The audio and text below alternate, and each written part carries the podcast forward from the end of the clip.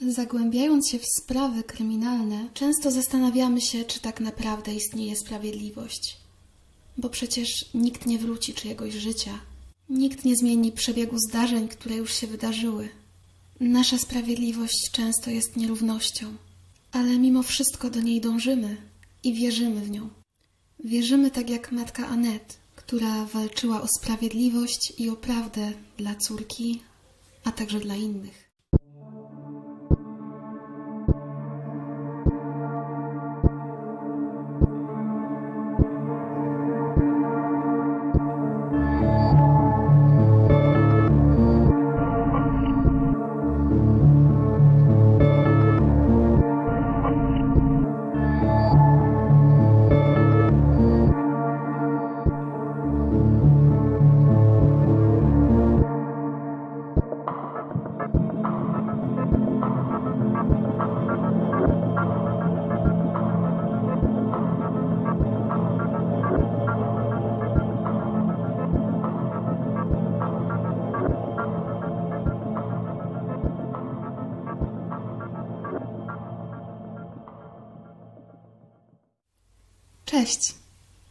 Dziękuję, że jesteście i że czekaliście na mnie przez kilka tygodni.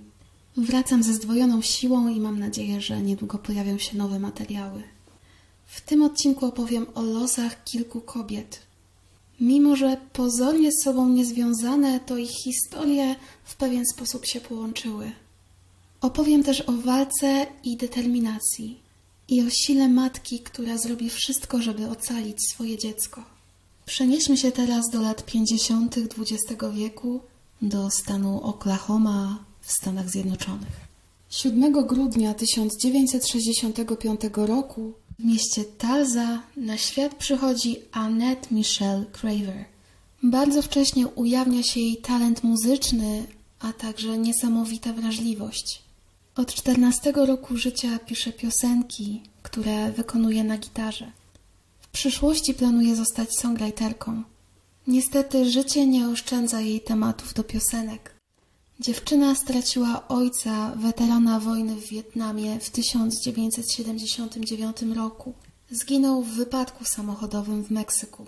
Dwa lata później, w 1981 roku, Annette wraz z matką Mary Rose spędzały czas na tak zwanej yard sale, czyli wyprzedaży podwórkowej niedaleko Uniwersytetu Rice w Montrose w Houston w Teksasie. Wróciły właśnie z wakacji w Meksyku. Mary Rose Craver była wyraźnie przybita. Wyjazd przywrócił bolesne wspomnienia. Jej córka również nie czuła się zbyt dobrze. Była zakochana w chłopaku z Meksyku o imieniu Adolfo, który mimo tego, że chciał przyjechać z nią do Stanów, nie mógł tego uczynić. Podczas wyprzedaży samotną, smutną nastolatkę zauważył mężczyzna. Początkowo tylko przyglądał jej się z oddali, ale później nabrał odwagi i do niej podszedł. Od razu było widać, że jest starszy od Anet. Co prawda był wysportowany i opalony, ale jego wiek zdradzała pomarszczona szyja. Blondyn przedstawił się jako Felix Vale. Okazało się, że miał 41 lat. Na Anet wywarł bardzo dobre wrażenie. Dziewczynie chyba zaimponowało to, że spodobała się dorosłemu mężczyźnie. Może jej się wydawało? Niestety nie. Cała historia mogłaby się wydawać dziwna, zachowanie Feliksa nieakceptowalne, ale sprawa przyjęła jeszcze dziwniejszy obrót. W jednej z późniejszych wypowiedzi Felix stwierdził, że kiedy zobaczył Anet, wiedział, że ta będzie jego nową dziewczyną. Te słowa niełatwo wypowiedzieć. Przecież Anet, mimo wszystko, była jeszcze dzieckiem.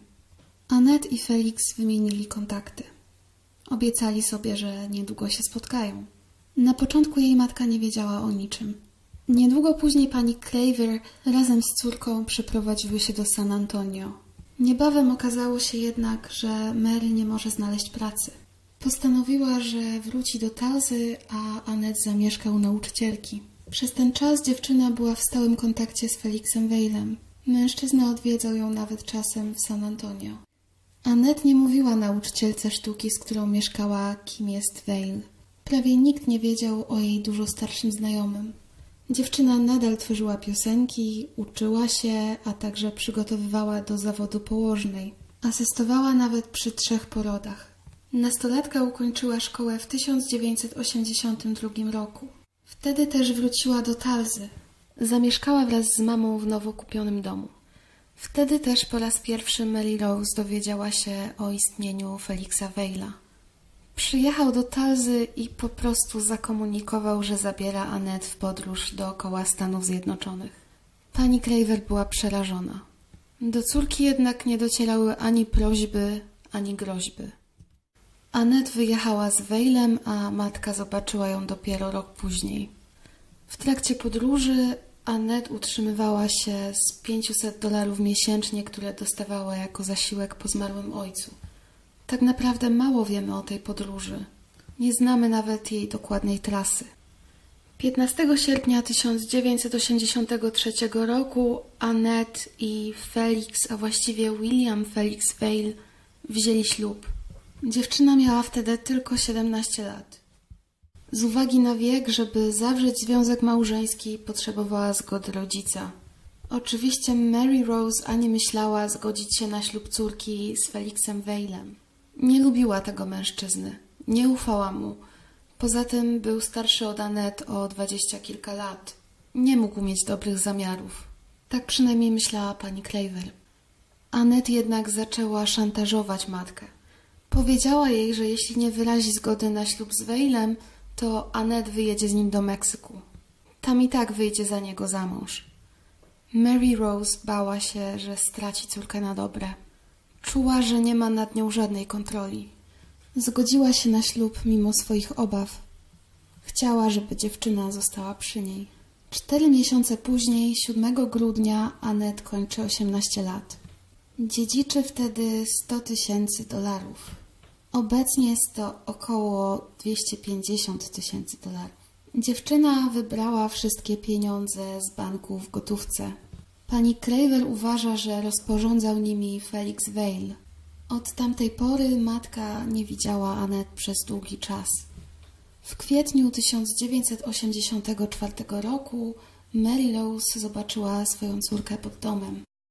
Dziewczyna wyglądała na przybitą. Powiedziała matce, że chce pójść do koledżu i rozwieść się z Wejlem. Mówiła o nastrojach Wejla, o jego temperamencie, o jego agresji. Mówiła też o napadach zazdrości Feliksa. Powiedziała, że się go boi. Opowiedziała też mamie, że chciał ją pobić. I to tak mocno, że gdy wymknęła mu się, uderzył ręką w ścianę i ją złamał. Mary Rose przygarnęła córkę i przez pewien okres czasu mieszkały razem. Remontowały dom, uprawiały ogródek. Wydawało się, że odnawiają swoją więź. Niestety sielanka nie trwała długo. Annette dostała list od Wejla. Od tej pory zmieniła się nie do poznania. I tak jak wcześniej słuchała męża, mówiła o nim w samych superlatywach. Jej matka przypomina sobie, że Annette mówiła o Wejlu jako Bogu. To on decydował, to on rządził.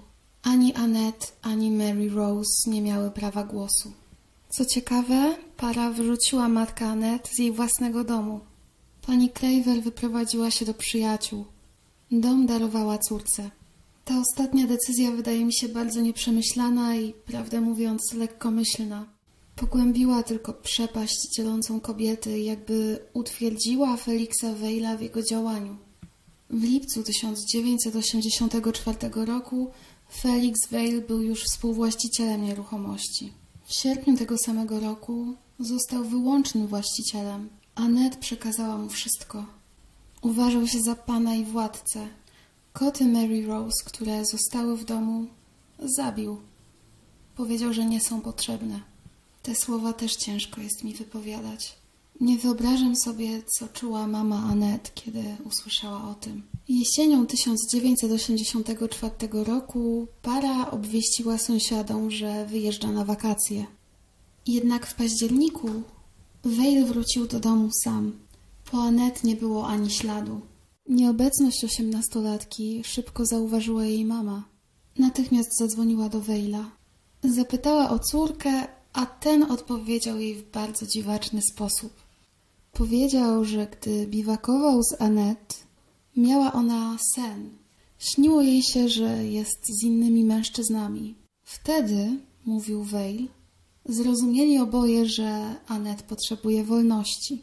Vale twierdził, że odprowadził ją na dworzec autobusowy, dał jej 50 tysięcy dolarów w gotówce i odjechała. Ciekawe tłumaczenie, prawda? I chyba nie bardzo wiarygodne. Po tej rozmowie matka Anet zaniepokoiła się jeszcze bardziej. 22 października zgłosiła jej zaginięcie policji. Niedługo później Felix Vale zaczął starać się o uzyskanie rozwodu. Mówił, że żona go zostawiła, że nie może jej znaleźć. Vale powiedział policji, że Annette zostawiła go 15 sierpnia, czyli tylko dwa dni po ich wyjeździe z Talsy. Powiedział, że odwiózł ją na dworzec autobusowy w St. Louis, Missouri. Według Felixa dziewczyna miała wyjechać do Denver, a tam zdobyć fałszywe dokumenty. Następnie miała udać się do Meksyku i spełnić swoje fantazje. W kwietniu 1985 roku matka Annette straciła już cierpliwość. Korespondowała z Weilem, ale jego listy nie wnosiły nic nowego. Przez pewien okres czasu nie mogła się do niego dodzwonić. Postanowiła zatem pojechać do Talzy i poszukać córki na własną rękę. Felix zgodził się na spotkanie z panią Craver, jednak nie pojawił się na nim. Mary podjechała pod dom. Dostała się do pokoju córki, w którym nie było żadnej z jej rzeczy. Tak jakby nigdy tam nie mieszkała. Vale musiał wszystko wyrzucić. Ale czy kochający mąż wyrzuca rzeczy żony? Mary znalazła tylko kilka notatek napisanych ręką Annette i jej dokumenty oraz zdjęcie wyrwane z jej paszportu. Znalazła też kilka dokumentów, które wskazywały na to, że Annette zapłaciła za długi Wejla i kupiła mu samochód ze swoich pieniędzy. Jednak to Wejl zarzucał matce Annette, że troszczyła się tylko o pieniądze córki. Mary w tym momencie wiedziała, że nie dogada się z Wejlem, że nigdy nie wyjawi jej prawdy. Musiała sama do niej dojść. W 1987 roku przyprowadziła się do Talzy. Chciała się czegoś dowiedzieć, ale to też nie pomogło. W 1991 roku matka Anet nie wytrzymała. Usunęła tylne siedzenia ze swojego auta i wyjechała w drogę. Pokonała ponad 2000 mil. Udała się do Teksasu, do Canyon Lake. Chciała spotkać Sue Jordan, siostrę Wejla. Mary pytała o córkę. Oto kiedy Sue widziała ją po raz ostatni. Jak zachowywał się Wejl. Sue stwierdziła, że dziwnie, ale Vale zazwyczaj zachowywał się dość nietypowo. W pewnym momencie rozmowa zeszła na inny temat. Sue wyjawiła Mary, że pierwsza żona Vale'a utonęła, także jedna z jego dziewczyn zaginęła. Teraz Mary miała już pewność, że to Vale stał za zaginięciem jej córki. Rozpoczęła swoje prywatne śledztwo. Zróbmy teraz krok wstecz. Są późne lata pięćdziesiąte XX wieku. Mary Horton poznaje Felixa Vejla. Na początku lat 60. zostają parą. Mary była studentką McNeese State University w Luizjanie. Była bardzo popularna, lubiana, wesoła. Jej przyjaciołom nie podobało się, że jest z Wejlem. Zauważyli, że Felix jest agresywny i zazdrosny. Mimo radom przyjaciół, Mary wyszła za Wejla 1 lipca 1961 roku. Dokładnie rok później, 1 lipca 1962 roku, Mary urodziła chłopca, Billa. Miesiąc po urodzeniu dziecka w domu Feliksa i jego żony zaczęły dziać się dziwne rzeczy. Mary otrzymywała głuche telefony. Obawiała się, że ktoś ją śledzi. Bała się wychodzić. Ktoś nawet włamał się do domu Feliksa i Mary. Nic nie zginęło, ale kobieta bardzo wszystko przeżywała. Chciała rozwieść się z Wejlem, jednak jej matka, będąca osobą fanatycznie religijną, kategorycznie odmówiła. Powiedziała, że mogą sobie poradzić z kryzysem. Ale to nie był zwykły kryzys. Mary powiedziała swoim przyjaciółkom, że Bill zrobił coś strasznego, że wydarzyło się to w Mississippi, tam skąd pochodził. Niestety nie powiedziała dokładnie o jaką rzecz chodziło. Nie zdążyła. 28 października 1962 roku Felix Vale zadzwonił na policję i powiedział, że jego żona, Mary, wpadła do rzeki Calcasieu.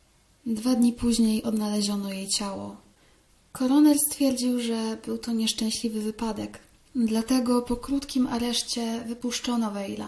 Na początku zabrał Billa do Mississippi i zostawił go ze swoimi rodzicami. Sam wyjechał do Kalifornii. Zatrudnił się w szpitalu w San Diego. Matka Annette ustaliła, że Vale zabrał syna do Kalifornii w 1965 roku. Nie był dobrym ojcem, a właściwie to wcale nie zachowywał się jak ojciec. Odszedł z pracy, nadużywał narkotyków, m.in. marihuany i LSD. Przyprowadzał do domu bardzo wiele kobiet. Jedna z nich, siedemnastoletnia Robin, zaszła z nim w ciążę. Wtedy ją zostawił. Zabrał Billa do San Francisco. Tam poznał Sharon Hensley, która miała 20 lat. Bardzo szybko została jego dziewczyną i podróżowała razem z nim i Billem po Kalifornii. Pewnej nocy ośmioletni Bill usłyszał ojca mówiącego Sharon, że zabił swoją żonę. 21 sierpnia 1970 roku przejęty chłopiec przeszedł dwie mile do komisariatu policji. Powiedział wtedy funkcjonariuszom, że Felix Vale zabił jego matkę. Powiedział też, że ojciec go zaniedbywał i że kazał mu brać narkotyki. Na początku policjanci mu nie uwierzyli, myśleli, że koloryzuje. Jednak kiedy znaleźli Wejla i Sharon z torbą pełną tabletek LSD, zmienili zdanie. O Billu pisały gazety. Felix spędził w więzieniu sześć miesięcy.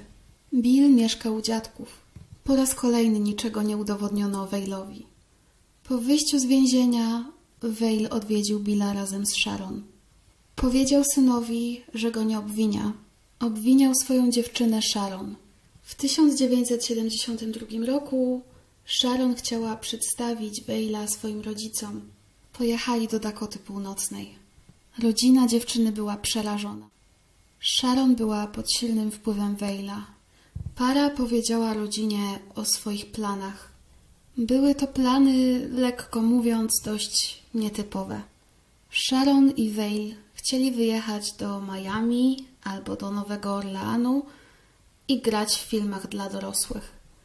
Rzeczywiście tak się stało. Mary Craver dowiedziała się, że para mieszkała na początku w Nowym Orleanie, a później w Miami. Felix i jego dziewczyna wystąpili, a właściwie wzięli udział w jednym z takich filmów. W lutym 1973 roku już nie wiadomo, gdzie byli. Matka Sharon otrzymała wtedy ostatni list od córki. Zawierał on też fotografię z napisem Robię notatki, planuję podróż. Następny list, który dostała pani Hensley, był już od Wejla. To było w marcu 1974 roku. Napisał, że Sharon wyjechała z parą Australijczyków. Mieli nazywać się John i Vanessa. Jednak swoim rodzicom Vale powiedział, że nazywali się Frank i Sally. Ani matka Sharon, ani rodzice Felixa nie wierzyli w jego słowa. Swojemu synowi Felix powiedział, że Sharon nie będzie już nikomu przeszkadzać. Mary Rose skontaktowała się z Peggy Hensley, matką Sharon. Opowiedziały sobie o zaginięciach swoich córek. Zaginięciach, które miały związek z tym samym mężczyzną. Teraz pani Claver była już pewna. Zadzwoniła do FBI i opowiedziała o swojej córce, o Sharon i o utonięciu Mary Vale. Nawet Bill chciał zeznawać w sprawie swojego ojca. Przeciwko niemu. Niestety nie było żadnych postępów. Śledztwo nie ruszyło z miejsca. Jednak Mary nie poddawała się. Konsekwentnie dążyła do celu. Chciała poruszyć niebo i ziemię. Byleby tylko wyjaśnić cokolwiek. Nie wiem, czy znacie Oscarowy film Trzy billboardy za Ebbing, Missouri, ale główna bohaterka przypomina mi Mary Rose. Jej determinacja i frustracja równocześnie są niesamowite. Jeżeli nie oglądaliście tego filmu, to bardzo zachęcam. Mama Annette była w stałym kontakcie z rodzinami Sharon i Mary. Pisała do mediów, ale dopiero w 2012 roku pojawił się obszerny artykuł na temat Annette, Sharon i Mary. Artykuł napisał Jerry Mitchell. Jego tytuł to Gone, czyli zaginiona, zaginione albo zniknęła. Dopiero po opublikowaniu tego artykułu coś się zmieniło. Śledztwo zostało wznowione. Śledczy jeszcze raz zaczęli badać sprawę śmierci Mary Horton. Jej akt zgonu miał bardzo wiele błędów. Zawierał nieprawidłową datę urodzenia Mary, nieprawidłową datę śmierci. Podpis Wejla był podrobiony. Kiedy wyłowiono ciało Mary, miała zawiązaną na szyi apaszkę. Koniec apaszki był włożony do ust Mary. To nie był wypadek. 17 maja 2012 roku Felix Weil został aresztowany i postawiono mu zarzut pozbawienia życia swojej żony. W 2016 roku Weil został uznany za winnego i skazany na dożywocie bez możliwości ubiegania się o zwolnienie warunkowe. Pani Craver zeznawała w trakcie procesu. Była bardzo aktywna w tej sprawie. Ani Bill, syn Weila, ani rodzice Sharon nie dożyli procesu. Bill zmarł na raka w 2009 roku.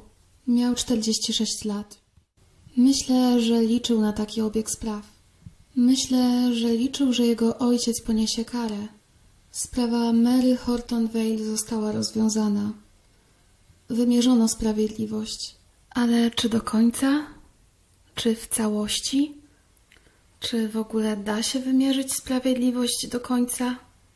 Ani Sharon, ani Anet nie zostały do tej pory odnalezione. Co do sprawy Anet, okazało się, że była ona widziana w październiku 1984 roku, czyli już po zaginięciu. Historia Wejla straciła całkowicie na wiarygodności. Co stało się z Sharon i z Anet? To prawie pewne, że nie żyją. Czy było więcej skrzywdzonych kobiet, skrzywdzonych nastolatek, potencjalnych ofiar? Wszystko na to wskazuje. Oby to nie była prawda. Mary Rose Craver nadal wierzy w odnalezienie swojej córki, a przynajmniej w poznanie prawdy. Czy wierzy w sprawiedliwość?